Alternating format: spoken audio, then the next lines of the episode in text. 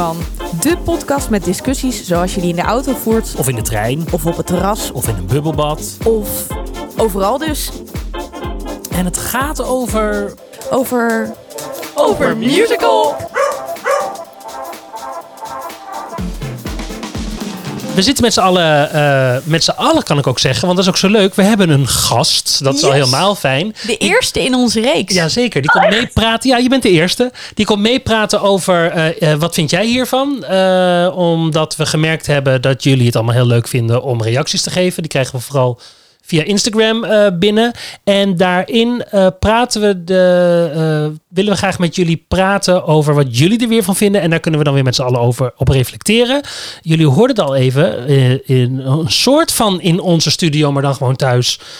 In, in, in de slaapkamer, denk ik, te zien. Ja, Eh, ja. ja. Zit Sistine, Sistine Carillon. Eh Sistine en ik hebben eh, in 1996 samen in de musical Miss Saigon gespeeld. En daarna is Sistine wel nog heel lang doorgegaan met musical spelen. Nog steeds. En dat doet ze nog steeds. En dat doet ze ook echt heel goed. En laat ik even uit mijn hoofd een aantal dingen opnoemen. Oh, dat is ook wel heel spannend dat ik dit nu ga doen. Mag ik er eentje? Want ik heb een groupie ding. Oh, je hebt een groupie ding. Ik heb een groupie ding. Nou, zij, was, zij was Rizzo. Oh, Rizzo, ja. En dat deed ze heel Oh. goed. Ja. En ik moest eerst denken aan Copacabana. was nu het eerste wat in mijn hoofd eh, naar voren kwam. Was dat, is dat een groupie ding voor jou, Benno? Copacabana? Maar weet je zelf hoeveel musicals je inmiddels gespeeld hebt? nee. Nee, hè? Ik weet wanneer ik begonnen ben en dat ik ja, het nu eigenlijk nog steeds wel doe. Dus Ja. ja, ja dat is al wel. eh, zitten we dan al tegen de 30 jaar? Nee. 96? 96, ja, zeker. Dus in 2026, dus dat is over vier jaar, zit je 30 jaar in het vak. Want eh, Saigon was jouw eerste, toch? Dat wou ik Dat was vragen. ja. Ja. Ja. Ik was in 96. eh, eh, 96 was mijn laatste jaar conservatorium. En dat half jaar daarvoor zat ik in de orkestbak te spelen in mijn laatste studie. Oh, studiejaar Bij Phantom of the Ja. Opera. Ja. En toen hoorde ik dat Miss Saigon daarna kwam. En toen dachten mijn zus en ik, hé, hey, die kennen wij. Want heel veel Filipino's, mensen uit de Filipijnen, die doen dat wereldwijd, doen de musical.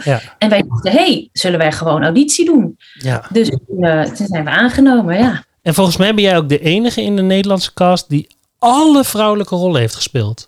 Want jij was Swing, jij hebt Gigi gespeeld, je hebt Kim gespeeld en je hebt volgens mij ook Ellen gespeeld. Ook Ellen gespeeld. Ja. Volgens mij heb ik Ellen het minst gespeeld. Dat was in de, ik, ik denk vijf keer of zo in totaal. Maar toch, hè? Maar toch. Maar toch, ja. ja ik heb inderdaad alle vrouwelijke rollen mogen spelen. Ja, Heel wel tof. allround. Ja, Ja. ja, was leuk. leuk. Wel tof. Hey, en waarom wij graag met jou dus eh, eventjes in deze eh, extra aflevering wilden praten, was omdat ik eigenlijk zelf merkte toen Annemiek en ik over de eh, musical aan het praten waren, dat er alweer twintig jaar overheen was gegaan. En niet zozeer dat het al lang geleden is, maar vooral over wat er veranderd is in de wereld en hoe we alweer anders tegen een aantal dingen aankijken. Maar dat blijft toch een beetje mijn visie als gewoon een, in dit geval Amerikaanse witte man.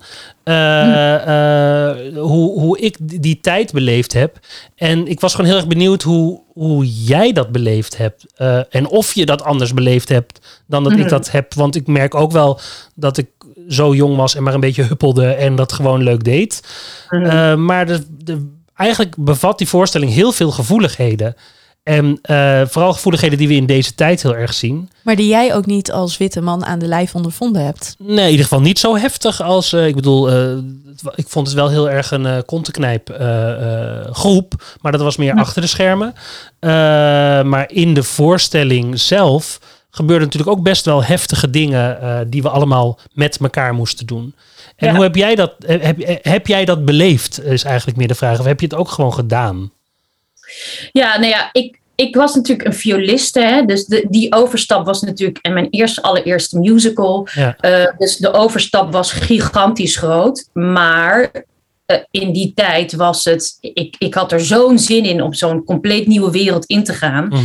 Wat ik me gewoon heel goed kon herinneren was, eh, er was dan in de Aziatische groep, die werd aangenomen, zat er een, een, van de meiden bijvoorbeeld een deel waren Nederlandse meisjes. Ja. Maar omdat er in die tijd heel weinig Aziaten waren die, ges- die dat überhaupt konden, Ja. moesten ze dus een heel groot deel uit de Filipijnen halen. Ja. Eh, en die mensen zijn daar al een jaar mee bezig, ook fonetisch om de taal te kennen en zo. Dat is een heel, auditie repetitieproces. En die moesten natuurlijk hun land, huis en haard verlaten. Ja. Om naar een totaal onbekend land te gaan. Nou, dat is natuurlijk heel heftig al voor hun. En ik weet nog, wat ik heel goed weet is. Dus ik sprong erin met van: oké, let's do this. En het was een, het was een heel heftig verhaal, toch? Ja. Dat was ook. Eh, de regisseur, Matthew Ryan, Ja. die heeft ons in dat proces meegenomen van, eh, en dat verhaal ons echt helemaal ingepeperd van eh, dat het heel heftig was. Je, je bent als Aziat, moesten we, wilde hij dat we echt voelden hoe het is om als hoer, zeg maar, gehoereerd te worden Ja. om te overleven. Dat was ons verhaal vanuit de Aziatische Ja. kant, zeg maar.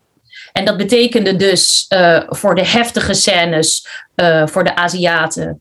ehm, je, je laat zien dat je voelt hoe het is om iedereen te moeten achterlaten en te vrezen voor je leven. Maar dat zag ik heel erg als een uitdaging als acteur, weet je wel.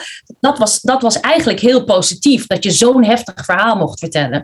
Maar wat ik bijvoorbeeld merkte als hoer, de hoer die wij moesten spelen, was dat wat ook heftig was voor mij, maar omdat ik Nederlands was, moesten we bijvoorbeeld inderdaad op de schoot gaan zitten van de Amerikaanse mannen. Mhm. En ze moesten ons grijpen en dansen en eh, ja, verkoop jezelf, weet je Ja. wel. En ik merkte dat ik dat heel erg deed van, oh ja, yes, als actrice eh, krijgen we de kans om, om ons, weet je wel, om ons te, eh, om een rol te spelen. Ja.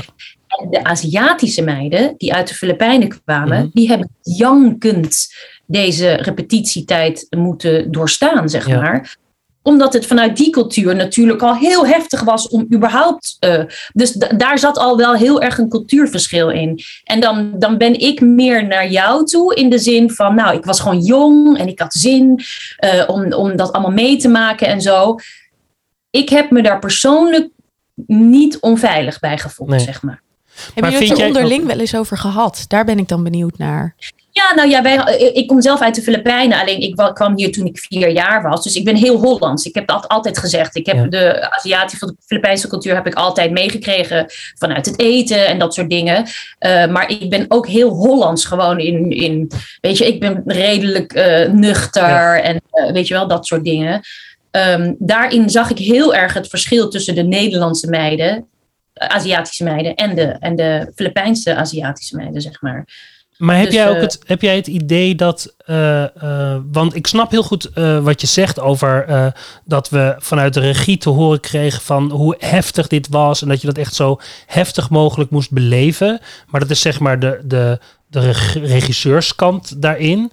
Maar heb, daar staat me helemaal niets van bij hoe wij zijn begeleid in. In, in letterlijk handelingen doen. Zoals er nu een, eh, hoe heet het, een veiligheidscoach? Nee, hoe heet het nou? Intimiteitscoach. Intimiteitscoach is. Dat was er in onze tijd gewoon natuurlijk helemaal niet. Dus het- je werd toch heel erg aan je lot overgelaten eigenlijk. En moest dat dan maar zo heftig mogelijk acteren. Maar wat er precies geacteerd moest worden, daar zijn we eigenlijk helemaal niet in begeleid, of wel?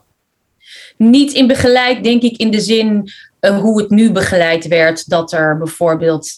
Hand op borst, eh, dat soort praktische dingen. Dat Precies. volgens mij allemaal helemaal niet, toch? Niet dat ik me kan herinneren. Nee. Wat we wel heel erg kregen, waren de veiligheidsregels achter stage. Weet je nog? ja, ja, ja. ja. Allemaal van die bewegingen. Daar weet ik nog heel erg van. Dit mag niet, dat mag. Daar werden hele duidelijke regels aangesteld. Ja. En die duidelijke regels hadden we niet op dat gebied. Nee. En dit ging dan toch over decor, dat je wist Ja, van precies. hier moet je echt niet zijn. Anders word je Precies. doodgereden. Ja, Ja, precies. Dus dan zit er ook een, eh, een belang van de producent. ja, toch? ja, Ja, ik wil het geen, is heel eh, hard, maar het is wel hoe het werkt. Ja, precies. Ja, want wij hadden natuurlijk in de podcast ook over... stel dat je het nu zou gaan maken, kunnen bepaalde dingen nog? Hoe kijk jij daar tegenaan? Zou dit verhaal zo opgevoerd kunnen worden zoals jullie dat in 96 deden? Nou ja, er is natuurlijk een herneming geweest. Of een andere versie in. Wanneer was het? 2012, 12. inderdaad. Eh, daar, daar zijn wij natu- natuurlijk ook naartoe geweest. Toen met die Ja. ja. reunie. Ik, ik heb niemand toen, toen de tijd eh, gepra- met iemand gesproken van of dat toen gaande was. Volgens mij, die hele MeToo was ook nog niet gaande. Nee. Ik weet niet of ze toen al bewuster waren van dat soort dingen. Nee, het is ook alweer tien jaar geleden. Ja. Ja. Ja, ja. Nou ja, kijk, ik denk gewoon wat ik fijn vind aan de hele woke cultuur, zeg maar, eh, Ja. is gewoon dat het gaat namelijk altijd om de underdog.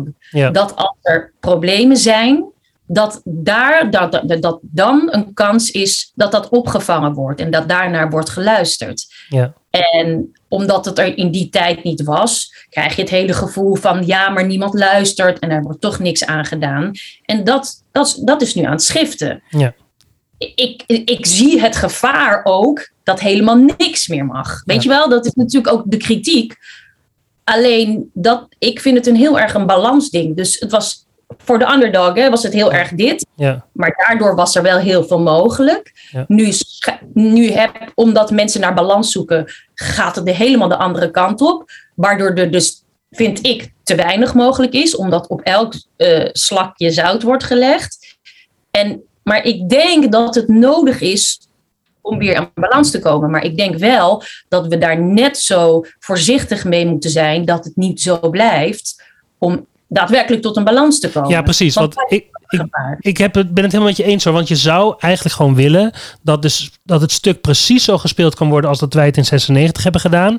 Alleen omdat de begeleiding helder is. En dat jij en ik eerst met z'n tweeën of eigenlijk met iemand erbij aan tafel zitten en zeggen: Oké, ik leg mijn hand op jouw borst. Daarna eh, pak ik je gezicht en eh, die leg ik op mijn schouder neer. Dat we het helemaal zo doorspreken. Vervolgens vragen: Is dat oké voor jou? Is dat oké voor mij? Volgens mij, als we die stappen zetten, dan, Mm. dan kom je er toch? Dan... En toch ga ik nog één kritische vraag lekker. hierover stellen. Sorry hoor. Maar ehm, wat wij, waar wij het ook over hadden, want dit is allemaal praktisch. Hè? Dit is hoe voel je je als kast als je in dit stuk staat. En dat gaat dan over seksisme, dit gaat over eh, racisme. Maar uiteindelijk was wat wij in de podcast bespraken ook, toch dat Miss Saigon ehm, het verhaal is vanuit de optiek van een witte man. Ehm, tenminste, omdat het door witte mannen gemaakt is. Ik ben heel benieuwd of jij dat ook zo voelt. Of dat jij zegt van nee, ik kan me nog steeds hier heel goed mee identificeren. En dat is voor mij nooit een probleem geweest. Want ik zeg dit nu achteraf, hè, bijna 30 jaar later. En het gaat vooral dan bijvoorbeeld over de ontmaagding van Kim. Die eigenlijk heel vrolijk, vriendelijk met bloemetjes. Ze, dat gaat allemaal heel gezellig, meteen verliefd en trouwen. Dat is natuurlijk heel erg een wit mannelijk perspectief over hoe een hoer in de meest ideale situatie dit zou ontvangen. Terwijl, ja, zo Terwijl werkt ze ook natuurlijk gewoon een hele sterke vrouw is. Want dat hebben we ook gezegd. Ja, ja. Nou ja, goed. Uiteindelijk is Miss Saigon een liefdesverhaal. Dus, dus ehm, dat, het is natuurlijk hoe wil je het verhaal vertellen. Tuurlijk kan je het verhaal vertellen hoe het werkelijk is. En dat ze eigenlijk gewoon wordt verkracht omdat ze helemaal geen hoer wil zijn. Ja. Eh, ik denk niet dat het alleen maar te maken heeft met, oh, het door twee witte mannen gemaakt. Eh, dus het is een, een, eh, een, een, eigenlijk een racistisch verhaal. Ja, Ik vind het een mooi verhaal namelijk. ja, Eh, omdat ik wel inzie, het is een, het is een liefdesverhaal van, van een Aziatisch meisje met een, een soldaat, weet je. Die, Ja. die waren er natuurlijk ook. ja. Alleen, ja, dat is heel goed. En ik vind het heel fijn dat je dat zegt, omdat het gevaar is dat die argumentatie wegvalt in de tijd waarin we nu leven. Eh, en dat het dus alleen maar gaat over verhalen van witte mannen, grenzen. eh, eh, Ja. Waardoor je eigenlijk de, de echte behoefte waarom jij erin wilde spelen, waarom ik er wilde spelen, waarom eigenlijk iedereen uit onze generatie die wat met musical te maken had, dat wilde doen. Omdat dat verhaal en die muziek natuurlijk knijter mooi geraakt. Eh, Maar dit is gewoon weer van Romeo en Juliet blijft ook een prachtig verhaal. En dat is ook door een witte man geschreven. Dus het is niet zo dat alles wat door witte mannen geschreven is meteen overboord Precies, gegooid ja. moet worden. Dat is helemaal niet zo. Het is alleen meer dat als we inderdaad met de woke ogen van nu gaan kijken, dat er gewoon een paar dingen zijn. Nou, en dat is ook precies waarom wij deze podcast met jou opnemen. Waarvan nou ja, wij ons zouden kunnen voorstellen dat dat destijds misschien toch ergens onderhuids gevoeld is. Hmm, mhm. Ja, want dan kunnen we eigenlijk een bruggetje maken naar de, naar de tweede vraag die ik aan jou wilde stellen. Is eh, eh, hoe. eh, nou, ik, ik, ik gebruik steeds als voorbeeld dat Frans van Deursen, die een van de regelaars speelde, Aziatische ogen kreeg opgeplakt om hem Aziatischer eruit te laten zien. Wat je Ja. zou, waar je de vergelijking zou kunnen trekken met Zwarte Piet, het blackface van witte mensen die zichzelf zwart ehm, schminken. Heb, heb, heb, heb jij daar in die tijd wat van gevonden, wat bij gevoeld? Of weet je dat nog? Ja, dat, dat weet ik nog wel. Maar ik moet zeggen, ik ben gewoon als persoon heel erg ehm, meegaand. Mhm. Eh, in de zin van dat ik heel snel zie van... Ja, want wie hadden ze dan moeten... Ja, even kijken, Willem, Willem Nijholt was natuurlijk half, Ja, toch? ja. Toch al, eh, Ja, eigenlijk. Ja, volgens mij komt er echt, eigenlijk uit twee witte ouders. Maar is natuurlijk Oh, wel ja? in, in Indonesië opgegroeid. Weet ik niet zeker. Ik weet het ook niet zeker. Ik weet wel dat ik to- toen dacht, want Jonathan Price was degene die het Ja, eh, origineel, deed. En was hij helemaal wit? Ja, Of? ja. Het, was, het, het was wel een ding, zeg Ja. maar. En het heeft zich ook ontwikkeld. Zeker. Nu Kan het zou er meer. toch niemand meer. Nee. Want er is te veel. Maar dat, daar heeft het ook mee te maken. In die tijd, ze haalden een groep van 16 mensen uit de Filipijnen, waar ze housing voor moesten regelen. Ja. En waarom? Omdat er niet genoeg Aziatische meisjes waren, of mannen ook, Ja. Die dat konden doen. Dus het, is, het was een beetje vraag en aanbod. Mhm. En dan heb je ook nog met kaartverkoop te maken. Mhm. Willem Nijholt is natuurlijk die verkoopt. En Ja. ja, eh, wie, wie was wel Aziatisch die die rol toen de tijd uit Nederland kon spelen? Ja, Henk Dikmoed was toen Oh ja, die speelde de understudy. Ja, maar dat Ja, maar ja, niemand, daar kan je geen kaarten mee verkopen, weet je wel. Dus dat is als producent zijn dat natuurlijk dingen waar je enorm tegenaan loopt. Ja. Dat gezegd hebbende, ehm, is, het, is het wel een issue waar ik als Aziat natuurlijk mijn carrière lang wel mee te maken heb, Ja. nog steeds. Ja. En in theater heb ik altijd het geluk gehad dat er niet altijd naar mijn afkomst werd gekeken. Ik heb heel vaak rollen gehad die dankzij mijn afkomst, hè, die ik heb mogen doen, zoals een Ja. Rizzo. Don- Ja. Niet dat de Rizzo eh, Aziatisch moest zijn, maar een donker type. Weet Je, je zit toch vast aan een soort typecasting, Ja. zeg maar. Je zal voor heb- Sandy niet zo snel gevraagd zijn. Nee, nee. Nee, maar misschien wil ik dat wel. Ja. Misschien had ik wel auditie willen doen voor Elphaba van Ja. eh, of voor een Sandy of voor noem maar op welke eh, hoofdrollen die er, er maar zijn. Ja. Ik kom niet eens in aanmerking, snap je? Ik word Ja. niet eens gevraagd. En dat heeft niet alleen met ras te maken. Eh, een Elphaba moet boven de 1,65 meter zijn. Oh, echt waar? Is dat, is Ja. dat niet racisme, maar is dat discriminatie? Ja, Mhm. ja, eigenlijk wel. Ja. is discriminatie. Maar dan is het hele typecasting, wat dus in casting gebeurt, slaat dus al helemaal nergens op. Want dan gaat het dus niet om casting. Nee. Alleen wat ik nu merk is, ik word, in tv is het nog steeds een beetje een ding, tv, film. Ik word altijd gevraagd. En dat verandert langzaam, omdat ik daar echt ook gesprekken mee heb gehad met casting directors en zo. Ik word heel vaak gevraagd: oh, ze hebben een masseuse nodig. Ja. Ze hebben een, eh, een hoer nodig, een schoonmaakster nodig. Eh, we bellen 16 op. Ja. En op een gegeven moment heb ik dat gezegd: jongens, we moeten daar echt van loskomen. Vraag me om een, een make-up artiest te doen of een agente. Er lopen toch heel veel Aziatische agenten rond. Wat, weet je, het is, een, het is gewoon een heel langzaam proces, waardoor ik wel vind, het proces is wel gaande. Ja. Dus dat vind ik een heel positief ding. Want het is er wel, het bestaat wel, weet je wel. De, de, Nee, Ja, zeker. Ik ben het met je eens. Het, het is in die zin ook aan het rollen. Het rolt heel langzaam. En dat is misschien ook wat het is. Daar kunnen we met z'n allen... eh daar vind dat we daar ook voor moeten blijven vechten. Maar tegelijkertijd moeten we ook wel de positieve kanten van blijven zien dat het rolt. Maar Ja. mijn vraag eigenlijk was... eh, heeft het je geraakt dat er dus Aziatische ogen... Ik vind het zo lelijk om het zo te zeggen. Maar ja, oh ja. geplakt werden op, op Nederlanders om dan maar. Of heb, heeft, eh, heb je daar echt alleen maar pragmatisch naar gekeken in die tijd? Of ik weet het niet, is ook een Eh, antwoord. Nou ja, of het kan zijn dat het nu alsnog iets bij je Ja, dat teweeg zou brengt. kunnen. Dat je daar destijds gewoon niet mee bezig bent geweest. Maar als je er nu over nadenkt, dat je denkt... Waarom? Ja. Nou, ik weet, in die tijd waren er inderdaad wat understudies voor de regelaar, als ik het dan heb. En dat was dan een jongen uit de Filipijnen Ja. die ook mocht spelen. En die werd dan tweede understudy. Ja, ik, ik, pro- ik ben nu aan het praten terwijl ik aan het denken ben. Ik, ik merk wel dat ik er natuurlijk zoveel minder mee bezig was. Ja, Maar ik ook, hè? Ik, want ik, Ja. het, ik, het- voor mij is dat eigenlijk nooit een issue geweest tot nou een paar jaar geleden dat ik opeens dacht, hm, dat is eigenlijk heel raar. Ik heb hier in 2012 ook niet over nagedacht hoor. Dus het is echt iets wat gewoon inderdaad Het te maken heeft nu. met het tijdsbeeld van nu.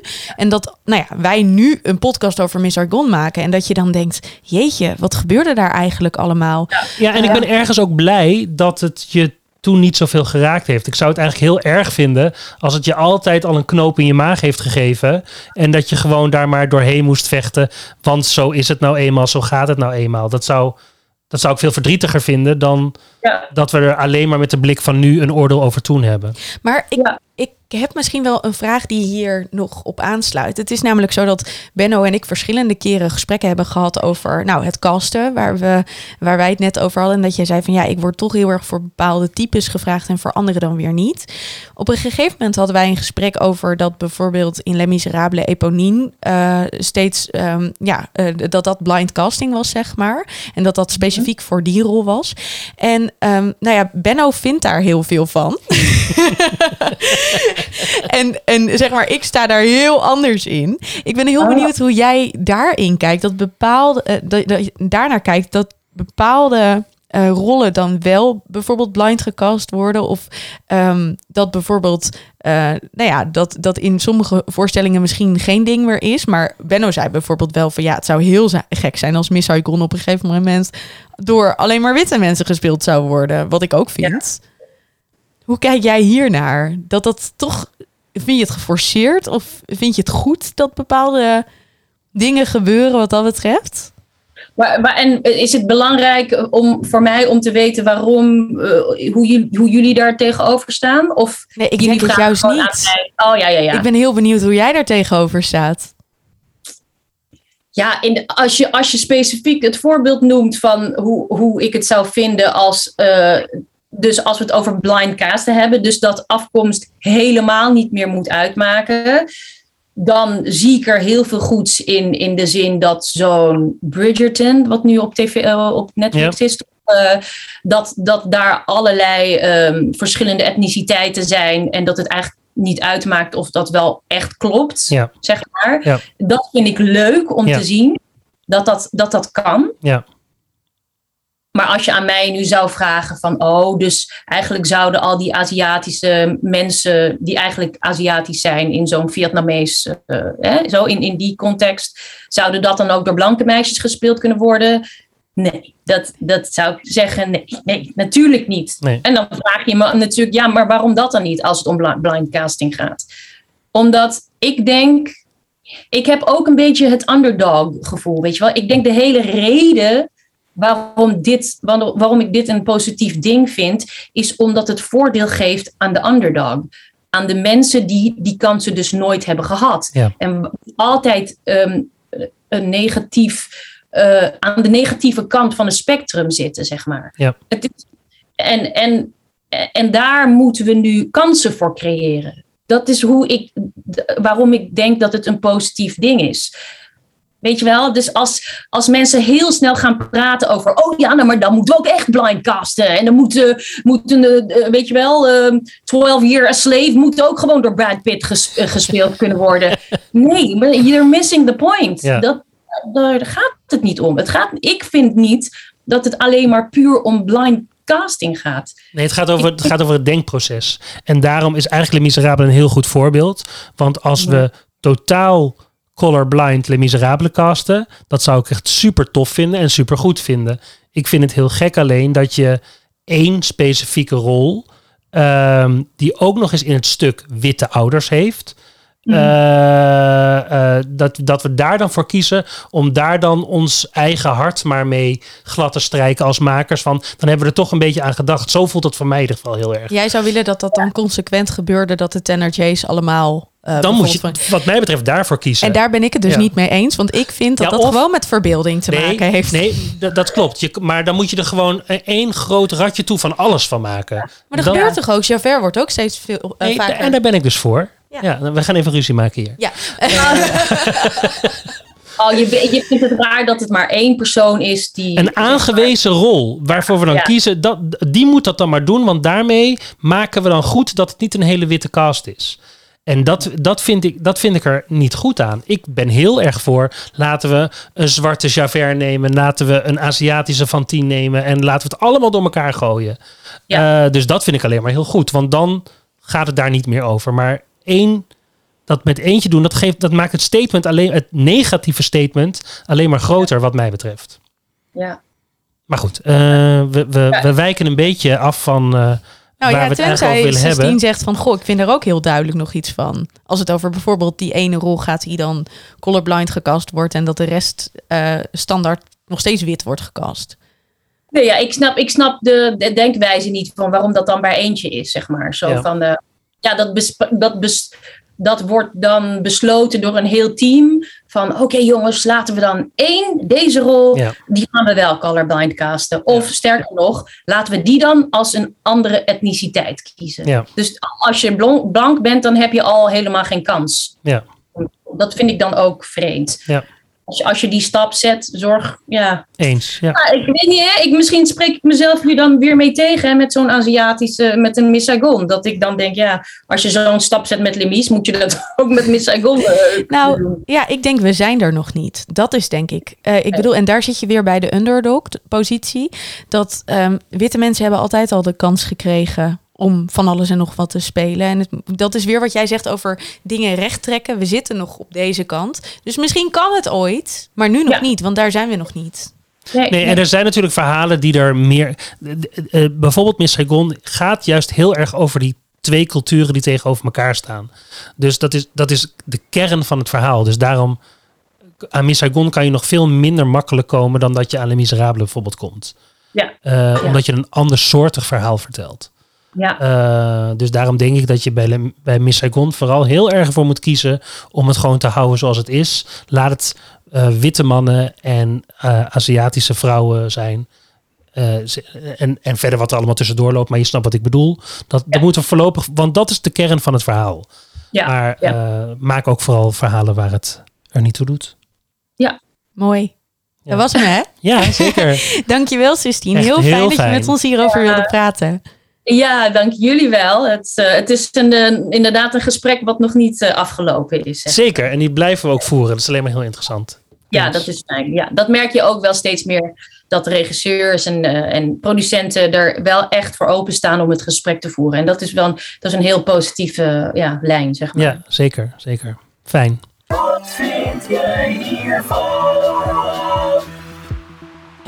Wij vonden dit zo'n belangrijk gesprek dat we deze bonusaflevering, de Jij vindt hier iets van, op ons reguliere kanaal hebben gegooid. Zeker. Maar we maken dit soort afleveringen meer. Ja, dat doen we via petje.af. Slash musical, ik vind hier iets van. En wil je nou meer van dit soort hele toffe, verdiepende gesprekken horen? Dan eh, kan je ons daar heel erg steunen door ons een staande ovatie te geven. Dat is eh 5 euro per maand.